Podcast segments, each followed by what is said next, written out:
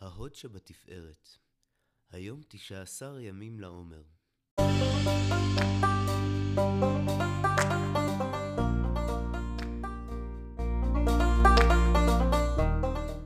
ההוד מכניסה בלב בעזרת ההודעה את הענווה. ההבנה שמה שיש לאדם ביד הוא לא מובן מאליו, מרסן אצלו כאדם את הגאווה שיכולה להיות לו על ההצלחה ולגרום לו להתנסות על האחר ומחליפה אותה בענווה. ההוד שבתפארת מעוררת תחושה של ייעוד. מתוך אתר חב"ד אבל מולדת לא בונים רק בכאב ובדמעות, אלא גם בעמל ובנתינה מתמשכת לאורך שנים.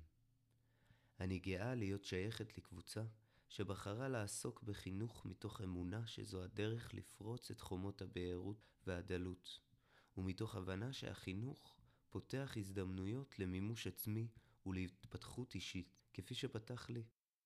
אל המעשה החינוכי הבאתי עמי את הערכים שינקתי בבית הוריי. קטונתי, אין בידי יצירה.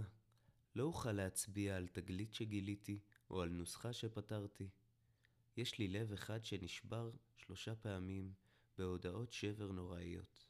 נפילת בני אוריאל בקרב בלבנון, פטירת אליעזר אישי משברון לב, ונפילת בני השני, אלירז, בקרב בעזה. עם הלב הזה יצאתי אל עמי, ובמילים פשוטות, בשפת הלב השבור, דיברתי אל הארץ ומורשתה, על הבחירה בטוב, על השמחה, על הדבקות בחיים, על האחריות ומעורבות חברתית מתוך הלב הזה, שפועמת בו אמונה בארץ הזאת ובעם הזה, מתוך תהומות הכאב נבעו מעיינות של אהבה, וכשהלב מלא אמונה, הוא יכול לעמוד באתגרים קשים, יכול ליצור יצירות גדולות. זו יצירתי היא נטועה בלבבות. מתוך הנאום של מרים פרץ בהדלקת המשואה